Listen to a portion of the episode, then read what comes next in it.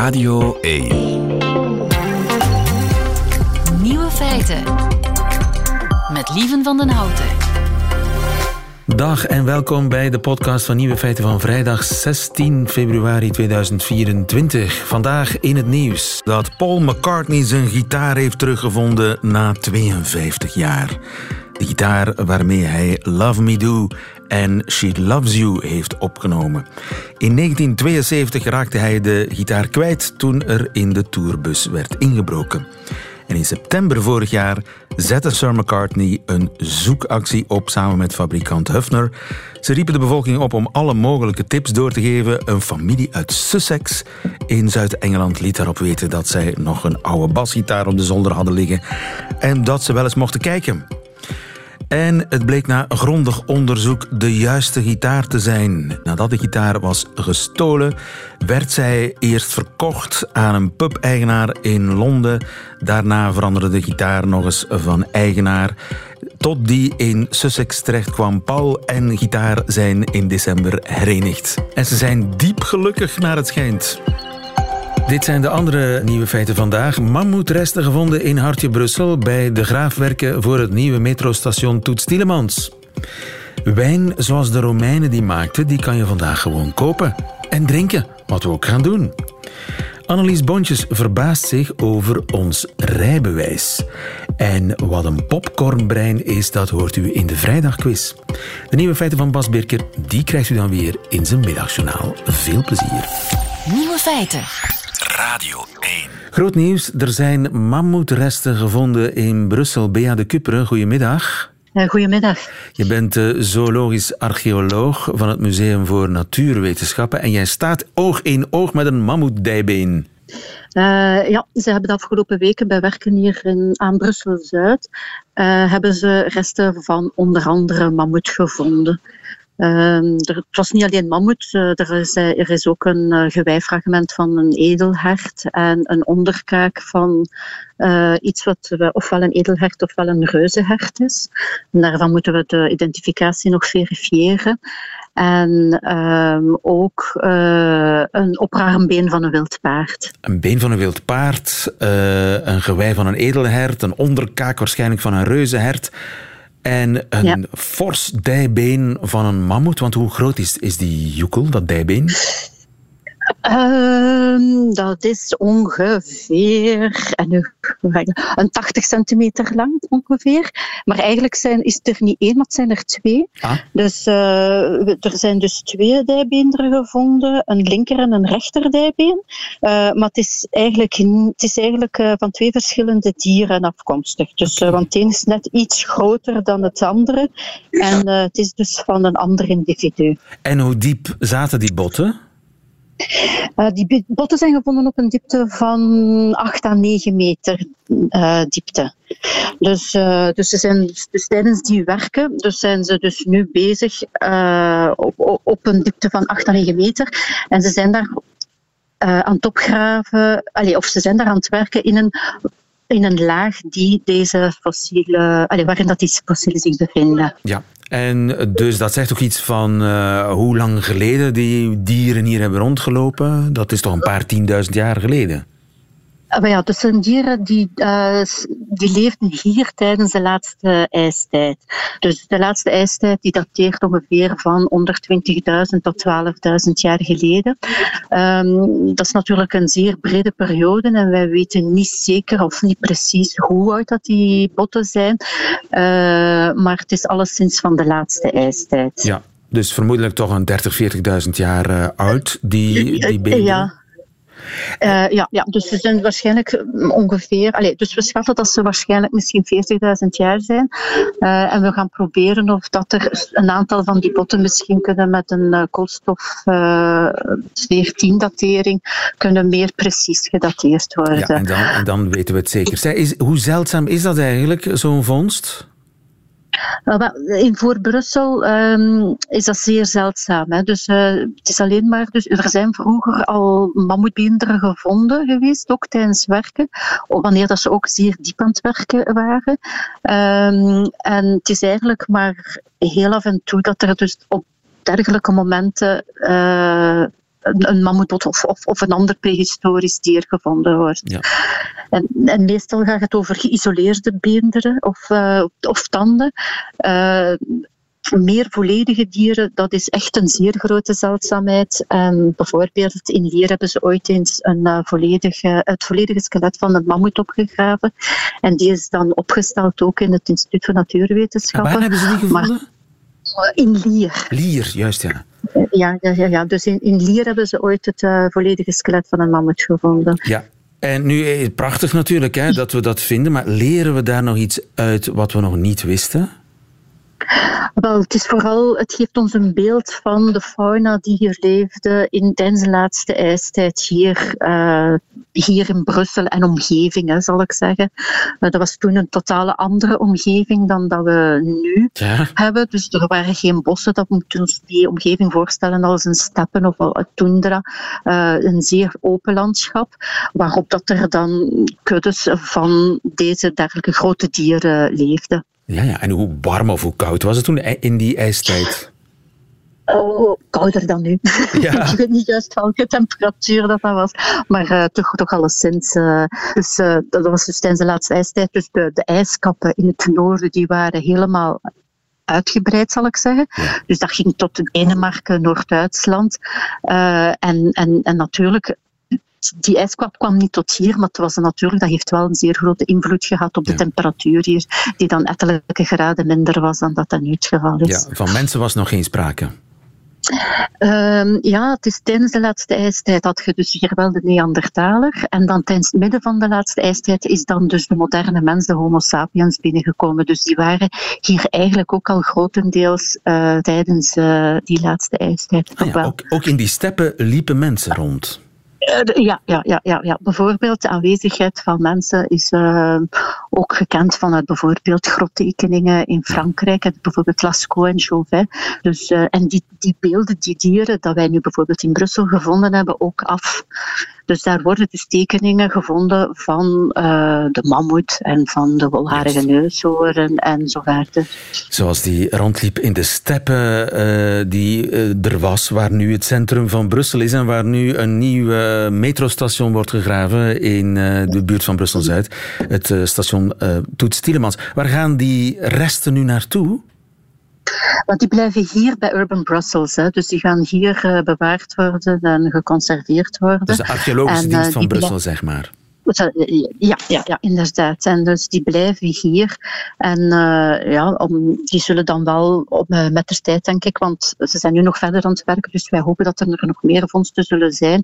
En dan zullen we kijken, allee, er wordt, gaat er besproken worden of dat er daar eventueel een, een tentoonstelling rond gemaakt wordt. Het zij tijdelijk, het zij ergens permanent. Ja, ergens permanent, wie weet. In dat nieuwe metrostation of in het Museum voor Natuurwetenschappen. Wie weet, dat zullen we allemaal zien. Het zal wel eerder hier in Urban Brussels zijn dat er een tentoonstelling komt dan, dan in het Museum, denk ik, voor Natuurwetenschappen. Het Instituut voor Natuurwetenschappen. Hou ons op de hoogte. Bea de Kupperen, dankjewel. Goedemiddag.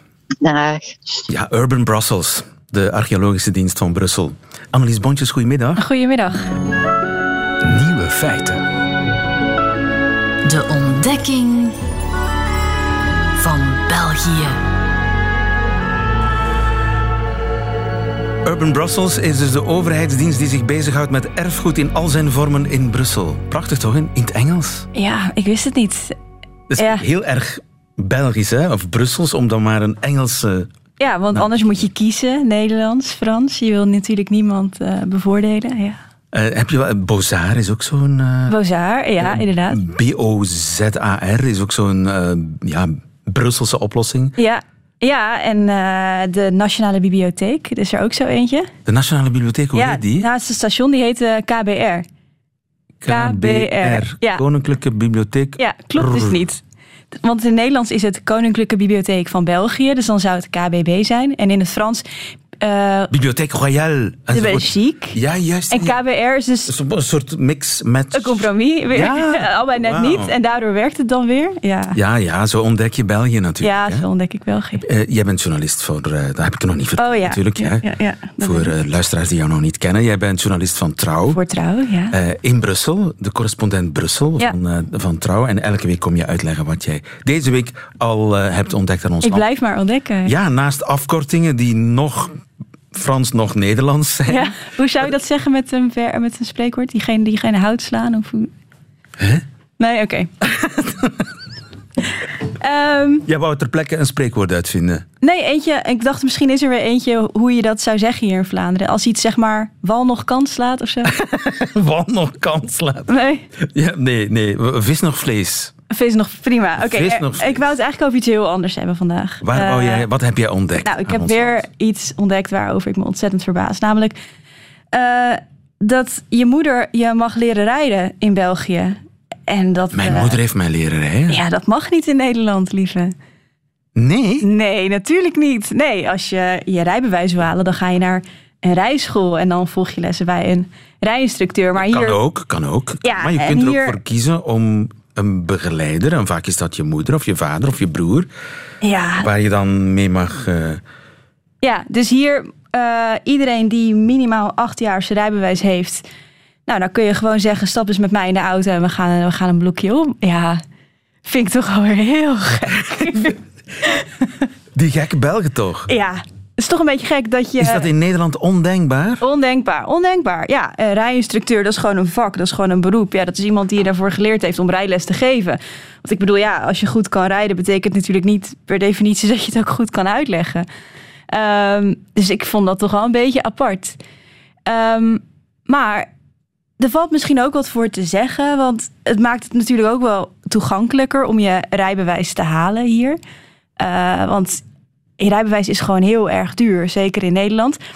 Daar betaal je toch wel gemiddeld zo'n 45 euro per uur voor een les. En als je dan gemiddeld ongeveer 43 lessen nodig hebt, kom je dan op zo'n 2000 euro uit. En dan moet je nog, 2000 euro voor een rijbewijs? ja, dan moet je nog het examen nog doen. Die spaar je dus hier uit in België als je gewoon zegt tegen je vader of je moeder van hé, hey, eh, kun jij mij het niet leren? Ja, ik bedoel, ik, ik, ja, ik kom uit het eh, platteland. Ja. het platteland, uit een, uit een boerenwereld. Dus ik reed op mijn twaalfde al met de afgedankte auto's op een boerderij rond. Ja, Volkswagentjes, Renaultjes, een Saab 99. Heerlijk. Dus technisch had ik die auto al helemaal onder controle toen ik 12 was. Dus ja, ik heb, ik heb eh, mijn rijbewijs gehaald de dag na mijn 18e verjaardag. Want ik had dan een paar maanden rondgereden met mijn moeder naast mij. Ja. Die helemaal niks moest zeggen. Maar die was daar gewoon. nou, dat is ook weer een verschil, want in Nederland mag je al beginnen met rijlessen als je 16,5 bent. Wauw. Ja. Dus ehm, dan kan je ook je rijbewijs al halen op je zeventiende. Alleen dan mag je weer nog niet alleen in de auto zitten. Dat mag pas als je 18 bent. Dus als je 17 bent kun je wel je rijbewijs hebben. Maar dan mag je alleen maar rijden als eh, een van je ouders naast je zit.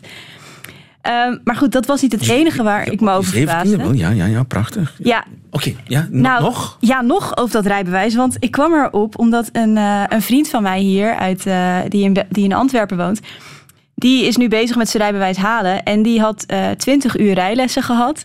En daarna mag je dus gewoon zelfstandig gaan oefenen. Met een L? Ja, met een L. Maar dan heb je maar 20 uur achter de auto, eh, achter het stuur gezeten. Mag je alleen rijden? En dan mag je alleen rijden om verder L. te oefenen. Ja, met een L. Ja, nou, dat vind ik toch ook wel eh, vrij heftig, hè? Ja. Maar goed, ehm, Het- Ze gaan het veranderen, hè? Geloof ik. Ze de gaan het ook veranderen. Ik ben blijkbaar niet de enige die het. Er wordt al jaren over gepraat, maar 1 maart, hè, dat is het bijna, gaan er nieuwe regels in. Nu is het namelijk zo dat je eh, na drie maanden lessen eh, je rijexamen mag doen. En dat wordt verlengd naar vijf maanden, omdat het eigenlijk pas vanaf vijf maanden, nou ja, omdat de kans op verkeersongelukken dan eh, verkleint. En Dus het wordt allemaal toch ietsje strenger. ja, en ook degene die naast je zit, die moet een opleiding doen van drie uur. Waarbij diegene dus meer leert over. Nou ja, Dus mijn moeder had naar school gemoeten. Vanaf nu wel, ja. Eh, en nog een verschil, dat rijexamen hier doen is, is ook nog eens een stuk goedkoper. Dus die rijles hoef je al niet te betalen, want die doe je dan gewoon bij je ouders. En dat rijexamen kost hier maar, nou, dus is wel regionaal, maar gemiddeld kost het 40 euro. Ja. In Nederland kost het bijna 135 euro. En rijden de Belgen dan zoveel slechter dan de Nederlanders? Ik, ik wist dat deze vraag zou komen. Eh, ik zeg dan nu weer gewoon eh, pas. Echt waar? Ja. Je hebt echt geen idee? Je mag ook zeggen wat je denkt, hè? Nou, nu ik dit weet, ga ik wel iets meer uitkijken als ik iemand met een elf zie rijden. Ja. Alleen.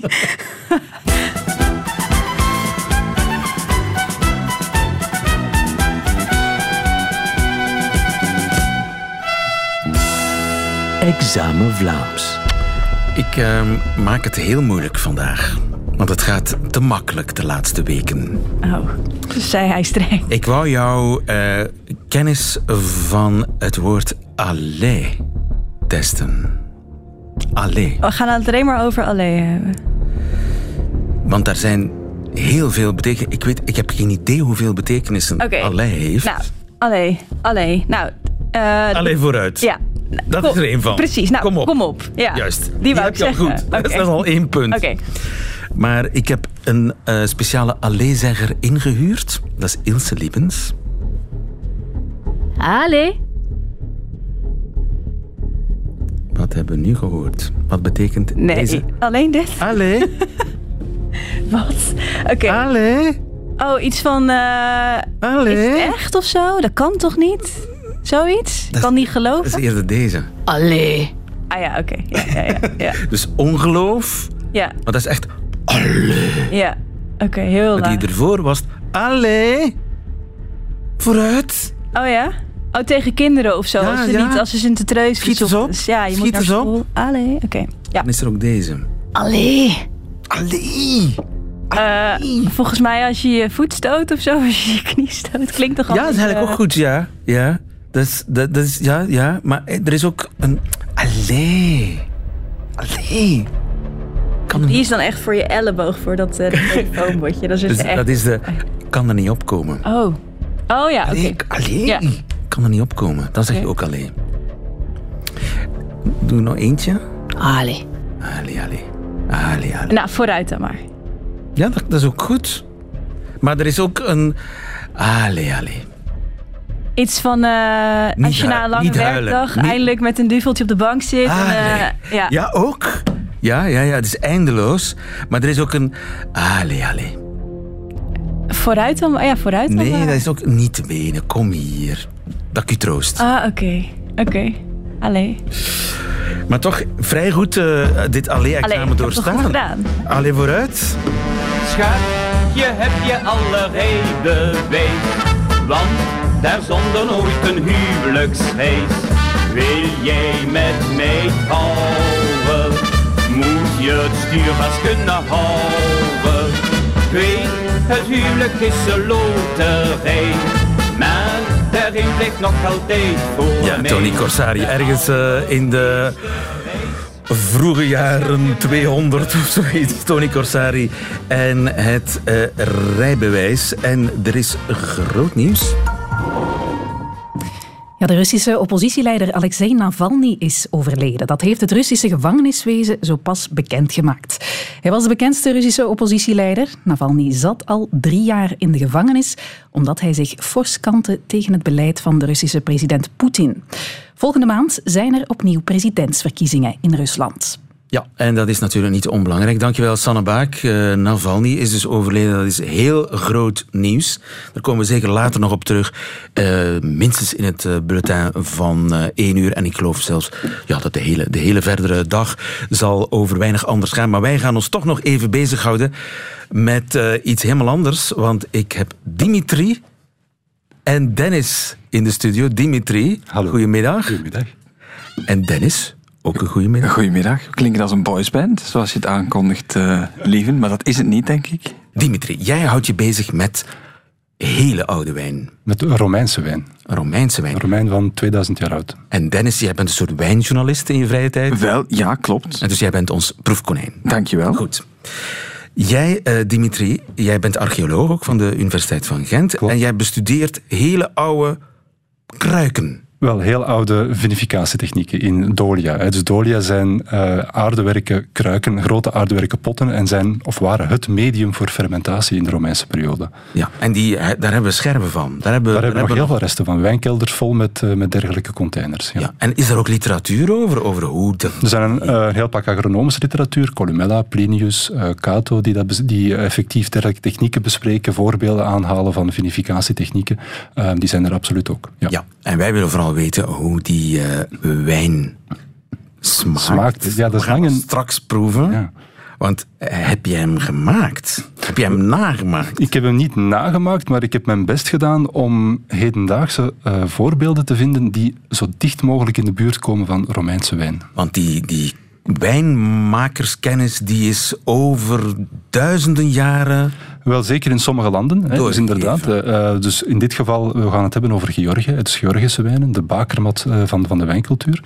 Uh, zijn dergelijke technieken tot vandaag de dag blijven doorleven. Dus de Dolia van de Romeinen zijn nu de Kvevri van Georgië.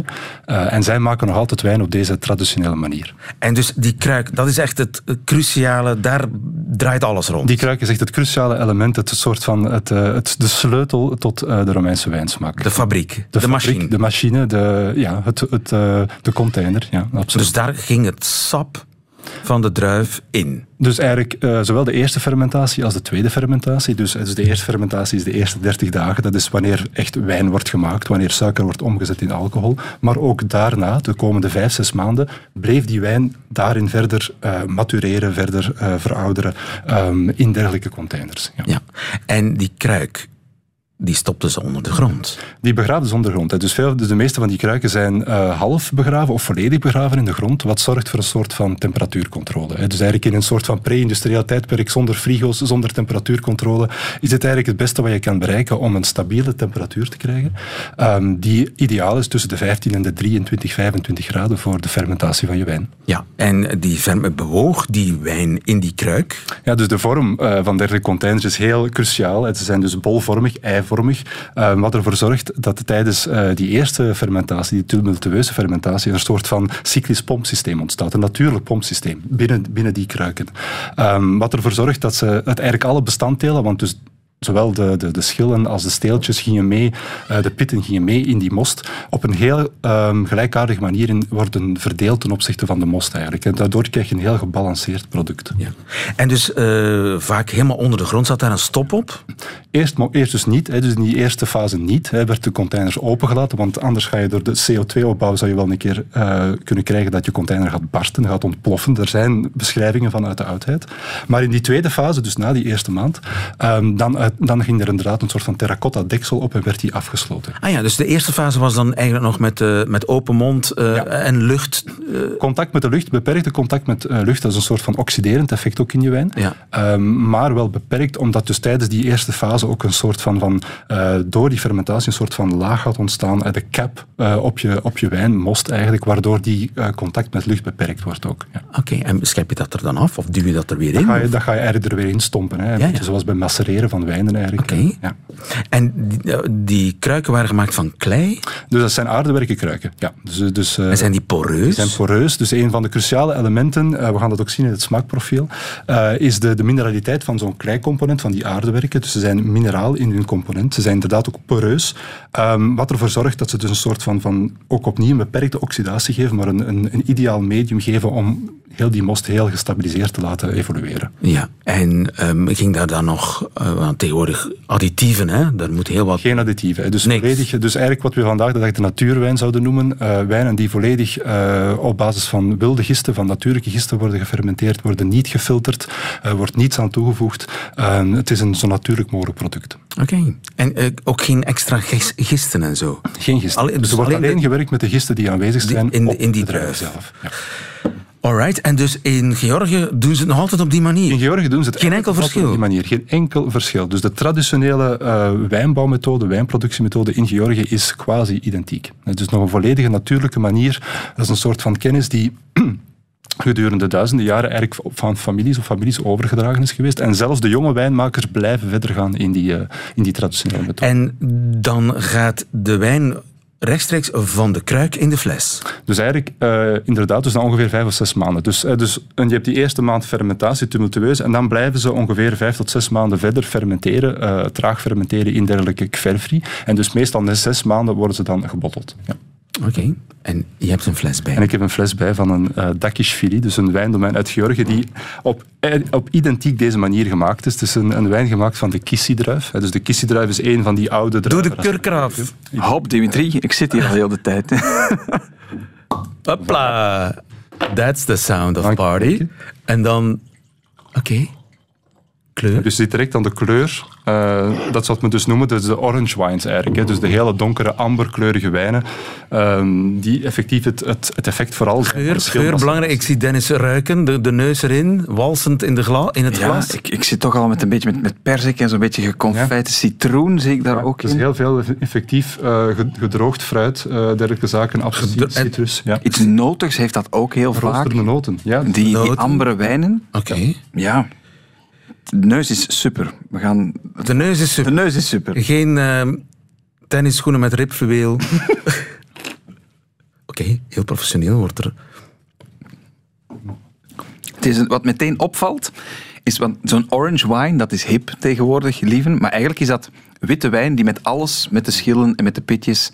In dan de, de, de, licht oranje kleur. Zo'n gigantische ja. amfoor van duizenden liters gaat. En wat dan meteen opvalt, als je witte wijn denkt te drinken, of rosé, is dat je geen bittertjes hebt. Niet die tannines die wel in rode wijn zitten. En die orange wine heeft dat net wel. Ja. Omdat al die delen van de druif die dat geeft, die smaaksensatie, waardoor je dat ook bij veel steviger eten bijvoorbeeld kan gebruiken, dat heeft die orange wine wel. Ja. Maar dus Dimitri, zeg je eigenlijk, de Romeinen waren hipsters en dronken orange wine. Hipsters avant la lettre. Ja, ja. ja eigenlijk, uh, ja, op die manier kan je het zo zeggen. Hè. Dus die, die, die tannines inderdaad zijn zeer mooi. Hè. Dus niet alleen van de schilmaceratie zelf, maar ook de containers, de mineraliteit van de container, die dat Ja. soort van ja, droogtegevoel in je mond ook, uh, ook meegeeft. Ja, maar die kruiken, die, die, ik hoor hem zeggen duizenden liters. Dat zijn Ja. toch geen kruiken van duizenden liters? Jawel hoor. Georgië Ja, dat zijn 10.000 gebruiken denk van ik, hè? 1500 tot 2000 liter. Maar die hadden de Romeinen toch niet? Jawel. Ook, Oh, oh. ja, ja, zeker wel. Vers- er zijn verschillende capaciteiten gekend en die gaan van 500 liter tot 3000 liter. Dus dat waren helemaal niet zo die amateurs. Dat waren gigantische kruiken. Ze hadden daar echt ook heel, eh, ja, heel gespecialiseerde ateliers voor. Die echt op een, op een heel, eh, met heel veel kennis, arti- artisanale eh, professionelen eigenlijk, die eh, gingen werken met dergelijke kleicomponenten, speciale kleicomponenten, om dergelijke grote potten te maken. Eh, onwaarschijnlijk, Wat misschien wel anders is, werd die- werden die niet ingeharst vroeger? Dat er een soort van, wat wij aan Retsina koppelen. Ja, ja, dat is inderdaad dat, een- dat, dat kruidige, soms wel Ja. minder populaire smaakje ook in die Romeinse wijn zat. Ja, eh, dus effectief. Dus de binnenkkanten van dergelijke containers moeten ehm, waterdicht gemaakt worden. Vandaag de dag gebeurt dat met bijenwas, dus neutrale bijenwas. Eh, in de oudheid gebeurde dat inderdaad met houtteer, ehm, van pijnboom eh, vaak. Eh, waar, dat gaat inderdaad die retsina's maken. Dus een heel, heel aanwezige smaak moet geweest in de Romeinse wijn, die je nu vandaag de dag minder hierin gaat vinden, maar bijvoorbeeld inderdaad wel in retsina. Nou, we kunnen dus vandaag de dag Romeinse wijn drinken. Dat is een Uit Georgië. uit Georgië, uit weliswaar. Dankjewel Dimitri en dankjewel ook Dennis en Met School. veel plezier. Salute.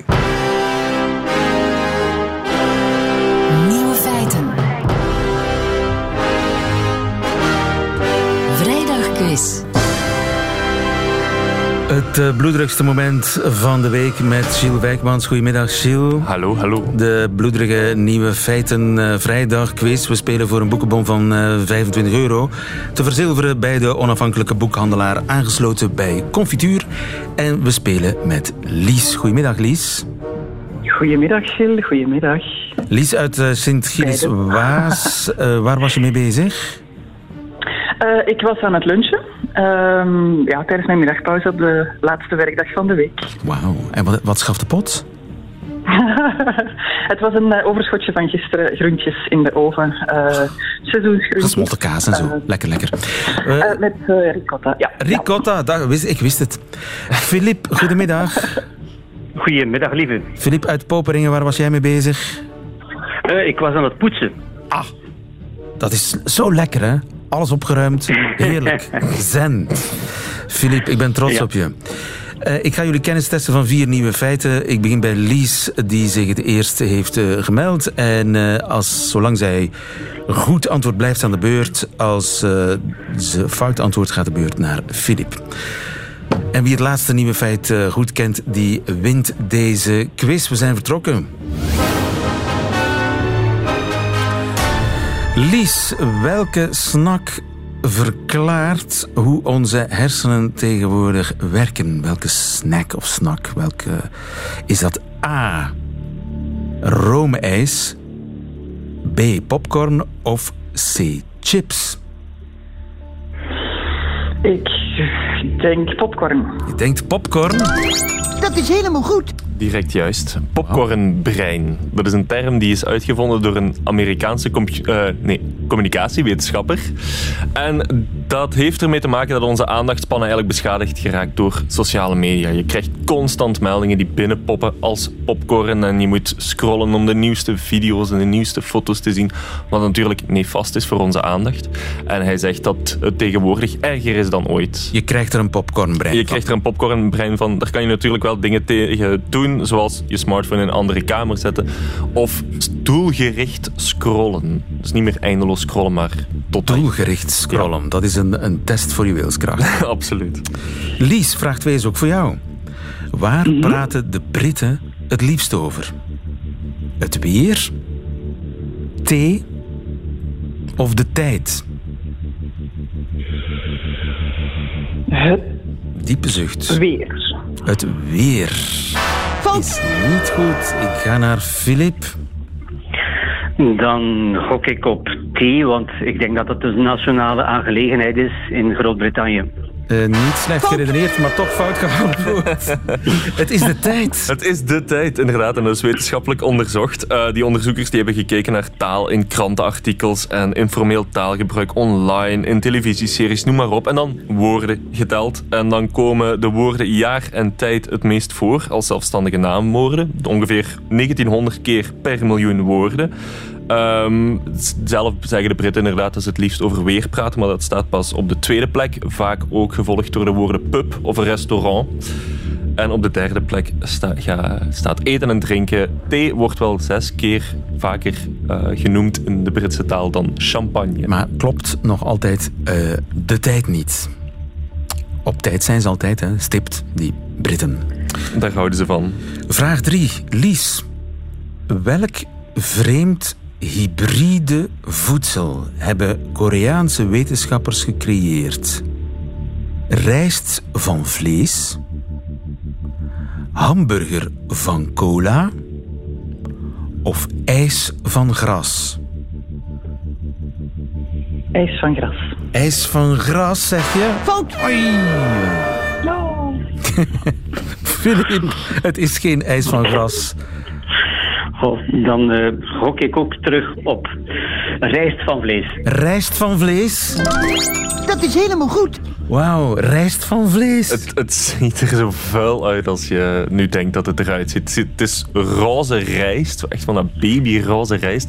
En hoe ze dat gedaan hebben, is door runderstamcellen te nemen en die ja, bij rijst te mengen en dat dan op te kweken in een labo. En dan krijg je een soort van hybride ri- vleesrijst. Dus dat vlees zit in de rijstkorrel en...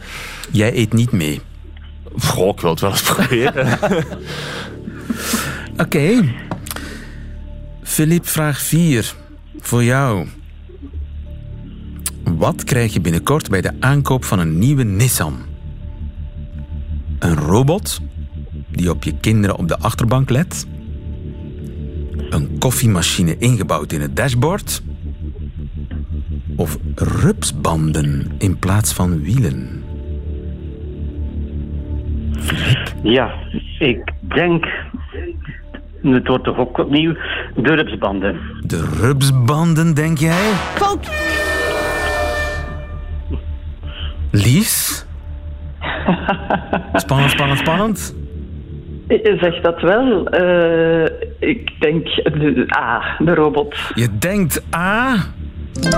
En het Dat is, is gebeurd.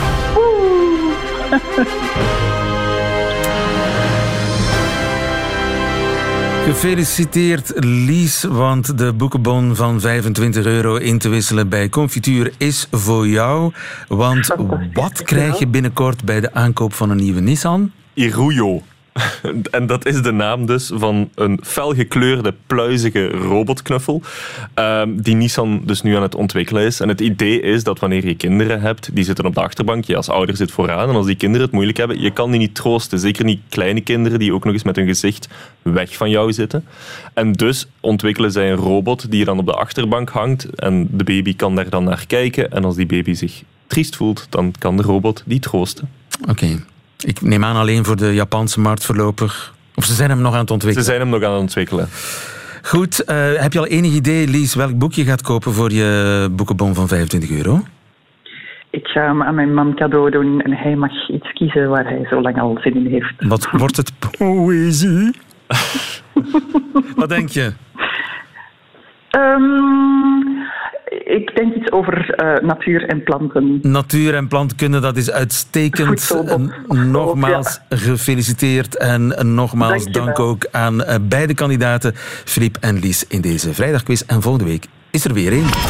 Nieuwe feiten. En dat waren ze weer, de nieuwe feiten van vandaag, vrijdag 16 februari 2024. Alleen nog die van Bas Birker, de stand-up comedian en Nederbelg, die krijgt u nu in zijn middagjournaal. Nieuwe feiten. Middagjournaal.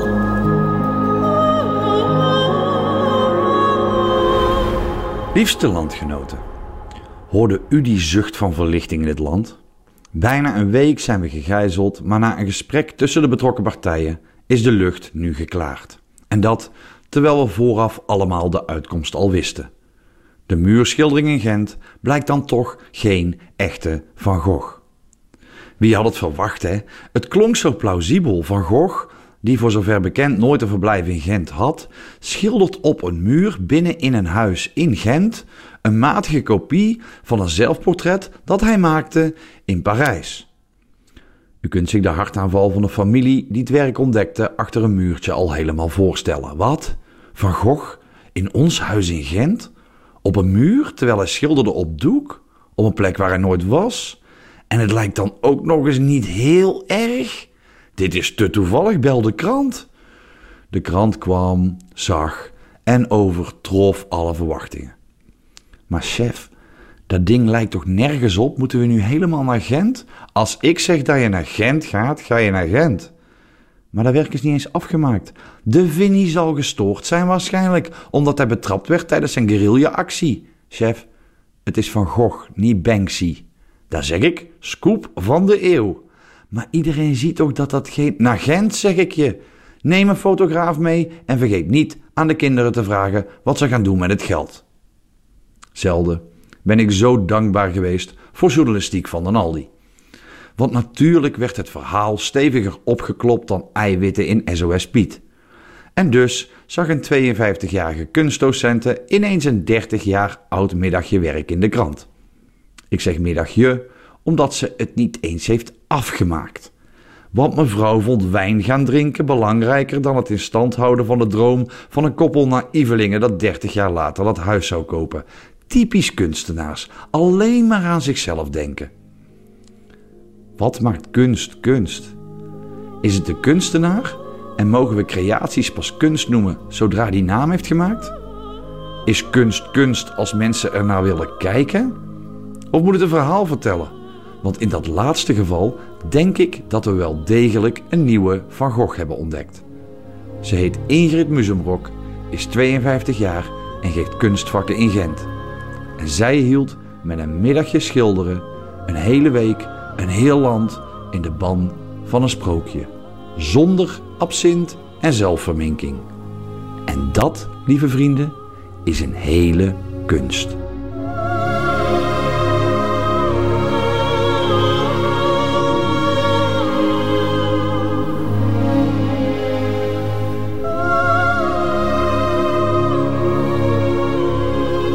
Is de kunst, inderdaad, Bas Birker. Net als het maken van een middagjournaal voor jou een eh, kunst is.